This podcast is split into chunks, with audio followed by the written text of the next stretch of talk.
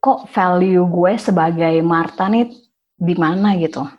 Itu sering banget kalau gue ketemu orang-orang Indonesia di wow. sini atau hmm. di Indonesia sendiri pasti uh, stigmanya seperti itu yang nganggep kayaknya uh, suami gue tuh derajatnya lebih tinggi gitu. Halo semuanya, selamat datang di podcast Abjad Tersirat dan kembali lagi sama gue Yunita, aka Acing. Nah, di segmen Anak Rantau kali ini gue mendatangkan seorang teman yang bernama Marta Weruing. Dan dia ini dulunya pernah kerja di oil and gas industry sampai akhirnya sekarang dia memutuskan untuk menjadi UI UX designer di Perth, Australia. Nah, di episode kali ini kita akan ngebahas tentang pahit-pahitnya kehidupan para perantau, khususnya nih bagi mereka yang mengubah karir saat tinggal di negeri orang, dan juga tentang stigma-stigma miring bagi kalian orang lokal yang punya relationship sama bule. So, tanpa perlu berlama-lama lagi, yuk langsung aja dengerin cerita dari Marta yang berikut ini. Oh nggak, jadi lo akhirnya dari yang si oil and gas, lo sempat ada break gara-gara putus cinta sebenarnya. Disuruh break sih sama, sama bos lo. Terus lo malah jadi ketagihan traveling. Dan akhirnya sempet akhirnya lo resign untuk mencoba traveling itu sendiri dan itu pasti emang lo bukan kayak mendadak kayak sosialita sosialita gitu emang lo juga udah ada savings kan Mm -mm. Tapi ya uh, yang tadi tuh gue yang pas abis uh, cuma traveling around Indonesia, terus gue sempet tuh kehabisan uang. Mm -hmm. Nah terus akhirnya balik lagi ke Jakarta dan ternyata dapetnya oil and gas lagi. Oil and gas lagi sampai akhirnya uh, setahun setelah kerja di tempat itu, gue ketemu lah sama uh, suami gue dan di situ kita mulai pacaran long distance setahun, ah, belum setahun sih, paling mungkin tujuh bulanan atau delapan bulan sampai akhirnya kita decide untuk living together. Gue mm-hmm. moving ke uh, Australia, ke mm-hmm. Perth. Nah okay, dari okay. situ di Perth itu gue ya kayak gitu kerja serabutan lagi. Gue sempet namanya juga orang baru ya kan mm -hmm. uh, pindah ke negara lain bukan karena kerja jadi ya gue harus benar-benar cari kerja yang sesuai dengan lingkungan di sini juga sih yeah, jadi yeah. gue nggak bisa maksain untuk kerjaan gue yang background sebelumnya di oil mm. karena memang ternyata kondisi visa gue nggak bisa belum bisa saat itu jadi yeah. akhirnya gue kerja serabutan jadi cleaner terus gue sempet kebanyakan gue jadi babysitter mm -hmm. lu sekarang mm. uh, di desain ini udah berapa lama dari maksudnya ini, udah dari dari lo oil and gas ya setelah di mining itu yang terakhir kerjaan gue di Perth itu tuh kayaknya 2017 deh gue akhirnya resign hmm. dan akhirnya bener-bener nggak nggak kerja sama sekali setelah itu karena gue decide untuk sekolah lagi. Nah, hmm. 2017 itu kebetulan gue dapet temporary resident visa gue setelah dapet uh, apa dapet de facto visa gue, hmm. which is hmm. temporary resident dan akhirnya gue dapet uh, local price kalau mau kuliah. Wow, nah, asik. Tahu sendiri kan kalau international student di Australia bayarannya parah abis mahalnya. Bang. Nah jadi akhirnya gue selesai kuliah 2019 Desember baru aja kemarin.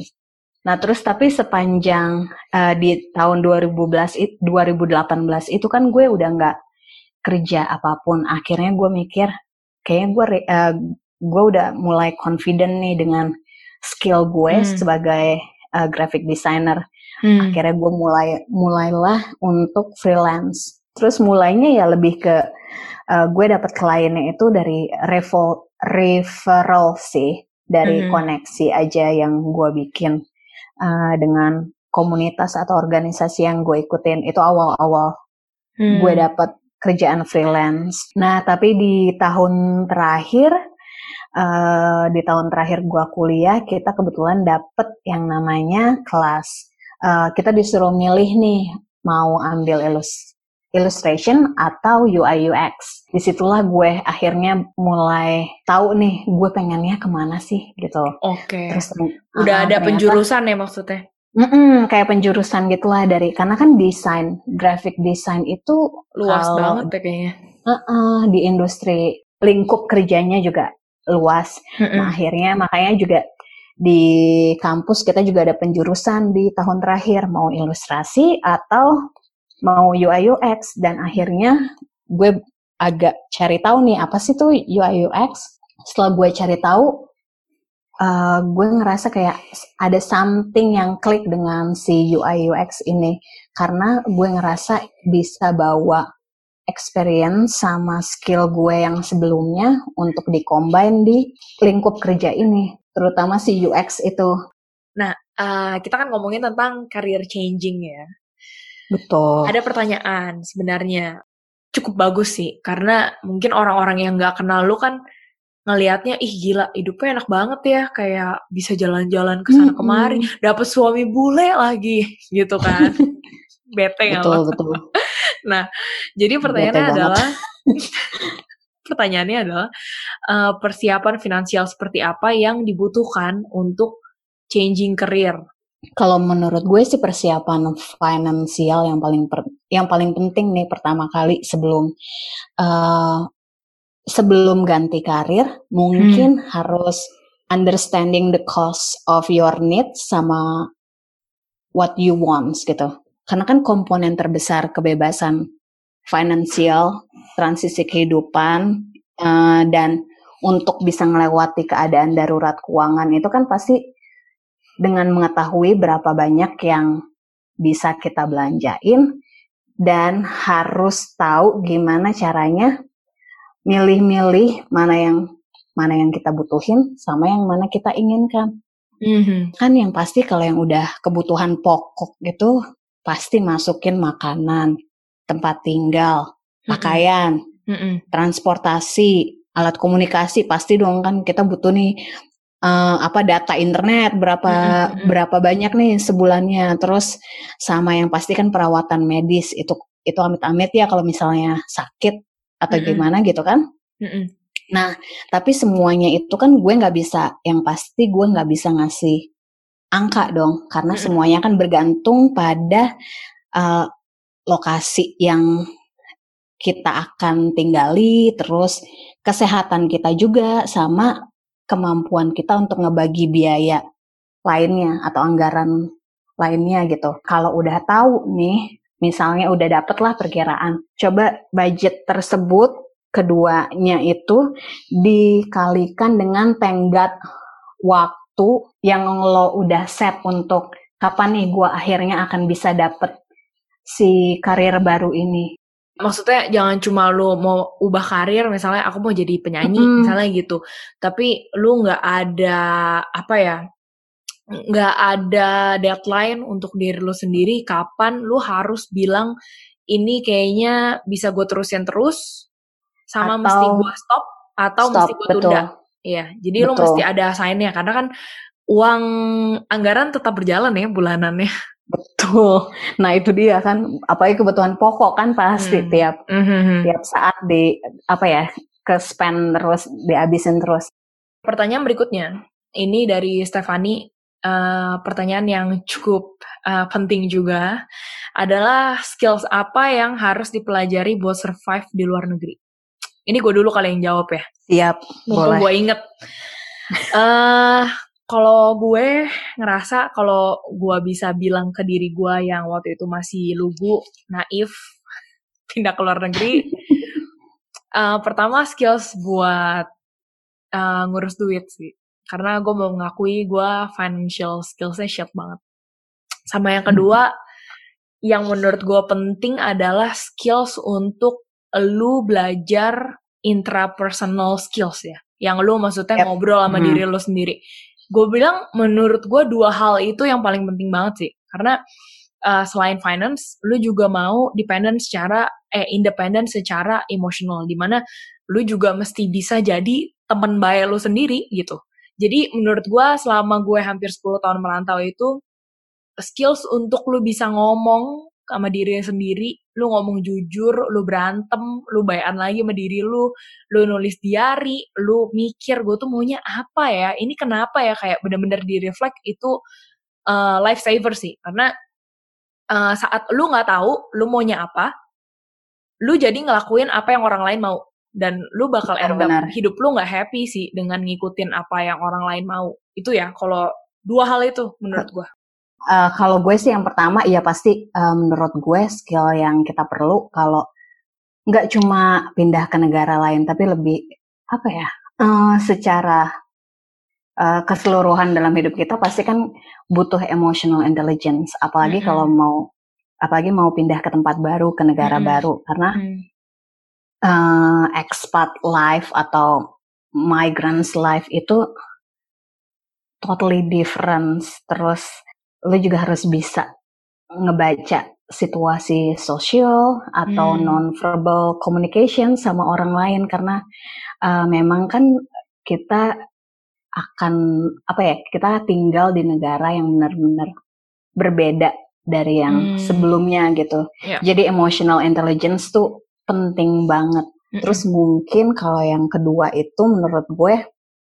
kita harus punya global curiosity. Jadi mm-hmm. kayak uh, nah ini nih kayaknya banyak nih orang Indonesia yang kadang uh, kalau gue sering dengerin nih belakangan ini kayaknya tuh terlalu terpaku sama satu agama dengan agamanya sendiri, dengan warna mm. kulitnya hmm. sendiri dan nggak bisa menerima perbedaan. perbedaan. Nah, kalau lo mau jadi perantau, kalau lo pengen pindah ke negara lain, lo buang jauh deh tuh uh, namanya persepsi. Gila, lu harus banget tak hari ini sumpah. Lu bisa bikin bagus banget ya. Kayak gue bikin tiga jam aja kali ya ini. gue gak tau jadi, kata yang mana nih, ini semuanya bagus. Ya anyway. Pokoknya ya gitu, jadi lo harus punya, apa ya, harus nerima nih kalau memang diversity, uh, keragaman tuh pasti ada jadi hmm. harus uh, punya skill itu untuk menerima apalagi kayak let's say nih ya misalnya lo uh, jadi mayoritas nih di di negeri lo sendiri hmm. tapi barangkali entar lo akhirnya jadi minoritas di negara yang lo akan tuju gitu hmm. nah kalau lo nggak punya apa sih understanding itu atau rasa ingin tahu untuk belajar tentang perbedaan itu bakalan susah lo nya Yap, betul. Dan um, berikutnya ya, sebenarnya ini sih uh, pertanyaan gue awalnya itu adalah kenapa lu bisa migrasi kan? Dan which is memang karena cinta. Nah cuma akhirnya lu touch lah hmm. ke topik di mana sebenarnya even until now lu udah nikah sama laki lo yang sekarang, itu pun sebenarnya masih rada susah untuk mengakui itu karena ya. banyak orang-orang manusia yang cuma yang nggak mau tahu alasan aslinya apa gitu loh.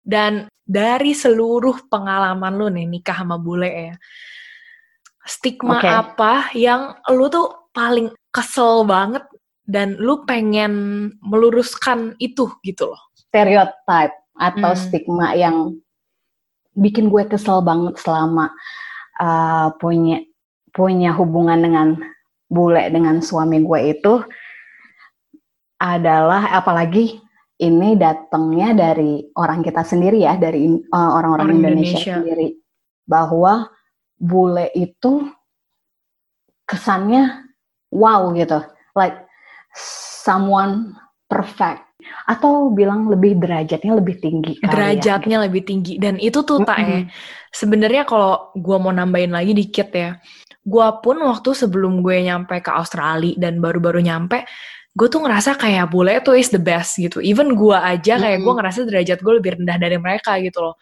Dan one day gue lagi di uh, kelas gitu dan ada satu discussion di mana guru gue ini kasih pertanyaan kayak gini ke kita semua waktu itu. Don't you think lo orang datang ke Australia itu masih dalam uh, mental di mana kalau lu kayak post kolonialisme gitu loh. Terus gue kayak, mm -hmm. heh, apa? Gitu kan gue kayak maksudnya apa? Gue kan nggak ngerti dong. Uh, uh, uh. Terus dia bilang, iya, gini deh, gue singkatin kata guru gue. Lu kenapa datang ke Australia? Terus gue bilang, karena pendidikannya lebih bagus. Terus dia bilang, kenapa lu ngerasa pendidikan di Australia lebih bagus? Terus kita jawab, karena ini ya kasarnya kalau ngomong Indo, ya ini kan bule, maksudnya sistem yang uh-uh. bule punya semuanya bagus lah. Yang apa pun, western, apa uh, yang iya, western apa pun punya, yang ya. western lebih bagus. Lu bisa ngomong Inggris, lu bisa ini, bisa itu. Terus dia bilang, don't you think kalau ini tuh sebenarnya secara nggak sadar ya, lu tuh mm-hmm. punya mental post kolonialisme di mana saat lu di koloni kolonialisasi, kolonize uh-huh. lah intinya itu uh-huh. dijajah kan saat itu juga orang-orang yang berkulit putih ini yang datang ke negara lu tuh bilang hal yang sama kan saying the exactly. same thing eh, saying the same thing kayak kita tuh lebih bagus dari orang yang kulitnya kuning atau hitam atau apa pun pokoknya kalau lu nah, nggak nah, putih gitu dan balik lagi ya ke kasus lu gue rasa sampai sekarang tuh sebenarnya kita semua masih nggak sadar kalau kita tuh terperangkap dalam si postkolonialisme ini di mana kalau mm. dalam kasus gue itu kasus edukasi dan kalau kasus mm -hmm. lu ini kasus tentang lebih ke sosial. Iya. Uh -uh. Jadi memang benar sih tuh kata dosen lo. Jadi kita masih kayak mental dijajahnya tuh masih ada banget. Yap, betul. Dan um, berikutnya ya, nih mana yang lebih rasis? Orang-orang Indonesia itu sendiri atau orang Aussie dari pengalaman lo uh, mixed marriage atau ya interracial marriage ini? dari ya. pengalaman gue ya, ya personal. Oh, dan hmm. rasisnya dalam okay. definisi lu tuh kayak gimana nih? Oke. Okay. Mohon maaf nih sebelumnya, ternyata orang-orang Indonesia yang lebih rasis. Wow. Dari pengalaman personal gue ya. Oke. Okay. Jadi gini, ada bang, uh, ada satu momen yang nggak pernah gue lupain. Waktu gue baru banget pindah, uh, mungkin baru setahunan kali ya pindah ke sini. Terus saat itu gue ketemu nggak sengaja ketemu sama salah satu anak working holiday visa holder hmm. dari Indonesia yang baru aja datang ke sini. Hmm. Terus kebetulan kita dikenalin lah sama uh, kayak salah satu ibu-ibu dari Indonesia yang memang udah tinggal lama di sini. Hmm. Kita dikenalin, um, nah si ibu ini bilang, oh dia uh, pasangannya orang bule loh. Itu pertama. Terus kedua, si anak WHV ini mm-hmm. yang dikenalin sama gue langsung bilang, wah enak banget ya berarti udah uh, pasti dapat PR.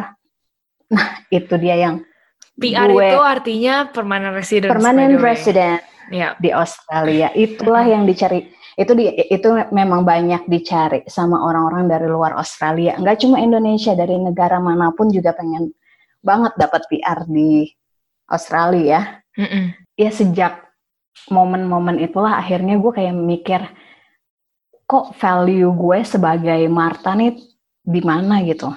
Itu sering banget kalau gue ketemu orang-orang Indonesia di wow. sini atau hmm. di Indonesia sendiri pasti uh, stigmanya seperti itu yang nganggep kayaknya uh, suami gue tuh derajatnya lebih tinggi gitu. Yeah, Jadi yeah. yang diomongin tuh akhirnya cuma suami gue. Terus kesannya akhirnya gue jadi kayak mulai merasa attentionnya tuh nggak ada yang ke gue. Kok gue nggak diomongin, kok gue nggak di nggak even ya, dia tanya uh, uh, prestasi kayak, lu tuh apa sih?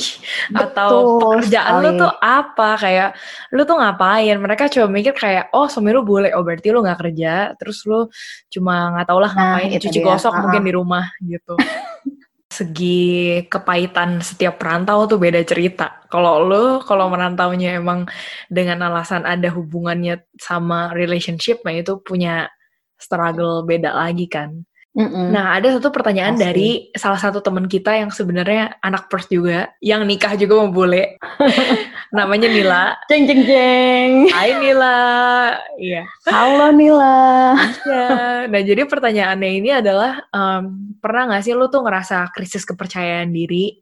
Nah, berikutnya adalah gimana cara ngatasinnya saat lu lagi feeling down atau worthless. Seperti yang tadi lu bilang kan lu sempet kayak sampai affect mental health lu kan. Mm akhirnya cara yang uh, eh, gue ambil yaitu gue kayak coba flashback lagi ke zaman-zaman gue waktu masih SMA nih waktu di apa ya uh, di masa-masa gue juga beru, saat itu baru berusaha mencari kayak mendefinisikan siapa gue terus hmm. goal gue apa dan segala macem. Hmm. Nah pas di zaman SMA itu gue inget banget salah satu hal yang paling gue sukai dan akhirnya bisa bikin gue punya koneksi yang uh, besar itu dengan ikut kegiatan organisasi. Hmm.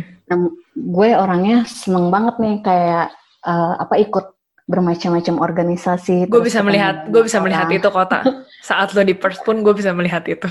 Iya, nah akhir, nah gue pikir uh, saat itu kan namanya gue pindah ke sini karena laki gue pastinya gue nggak punya siapa pun ya selain hmm. laki gue. Nah gue pikir salah satu cara untuk gue survive, untuk gue punya nama gue sendiri ya gue harus punya circle gue sendiri hmm. yang yang beda dari uh, circle suami gue. Hmm. Nah karena itu akhirnya gue mikir, oke okay, mungkin gue harus mulai aktif lagi nih, uh, mulai ikut banyak organisasi di Perth. Nah, hmm. Nah akhirnya uh, pertama waktu itu gue coba uh, cari kayak komunitas Indonesia di Perth karena gue pikir uh, mungkin biar lebih gampang gue uh, kenalan dulu nih sama komunitas Indonesia di Perth. Hmm. Jadi gue bisa belajar banyak dari mereka, tapi juga masih berasa gak jauh dari rumah dan family gitu. Masih ada sense of belonging lu juga lah setidaknya. Mm-mm, sam- karena sama-sama Indonesia, sama-sama perantau ya kan. Mm-mm. Nah di situ gue akhirnya ya udah mulai uh, kenalan beberapa orang di komunitas Indonesia dan akhirnya gue juga uh, saat itu akhirnya bikin gue uh, jadi penari tradisional juga dulu memang oh gue iya, basic benar. ya waktu masih kecil kan memang basicnya nari uh, tradisional. Mm-hmm. Nah, jadi ada kesempatan lagi tuh waktu itu untuk nari jadi penari tradisional di Perth. Nah, yeah. udahlah gue akhirnya jadi ikutan terus gue ngerasa ah oke okay, gue nggak ah kalau cuma punya circle di komunitas Indonesia aja rasanya nggak cukup karena kan gue tinggal di Australian community ya kan mm -mm. jadi gue harus punya circle juga, punya koneksi juga di Australian community itself. Terus, nah dari situlah gue mulai kayak kenalan lebih banyak orang-orang dan gue juga milih circle-nya yang memang uh, apa ya orang-orang dengan latar belakang yang sama seperti gue uh, hmm. migrasi ke Australia atau refugee segala macem akhirnya gue ketemulah mereka dengan cerita yang sama dengan rasa yang sama jadi akhirnya gue kayak hmm. ngerasa oh ternyata nggak gue gue aja nih yang menderita atau ternyata ada orang hmm. lain yang hmm. lebih sulit yeah. keadaannya dari gue akhirnya dari situ karena gue kayak mulai ngelihat bahwa nggak cuma gue yang susah di yeah. uh, di sini akhirnya gue punya rasa uh, bersyukur hmm. nah dari rasa bersyukur itu dari uh, gratitude itu akhirnya bikin gue kayak mulai apa ya ngebantu gue untuk lebih kayak confident lagi. Iya, dan dari confident itu ya lu mulailah bisa mencari. Nah, sebenarnya siapa sih Marta di balik stereotip manusia-manusia bahwa lu cuma mau visa? iya, jadi iya jadi menurut gue sih uh, stepnya sih pasti uh, cara orang masing-masing untuk ngehandle masalahnya pasti akan berbeda ya. Iya. Tapi perjalanannya pasti panjang sih. Iya. Gak langsung tiba-tiba.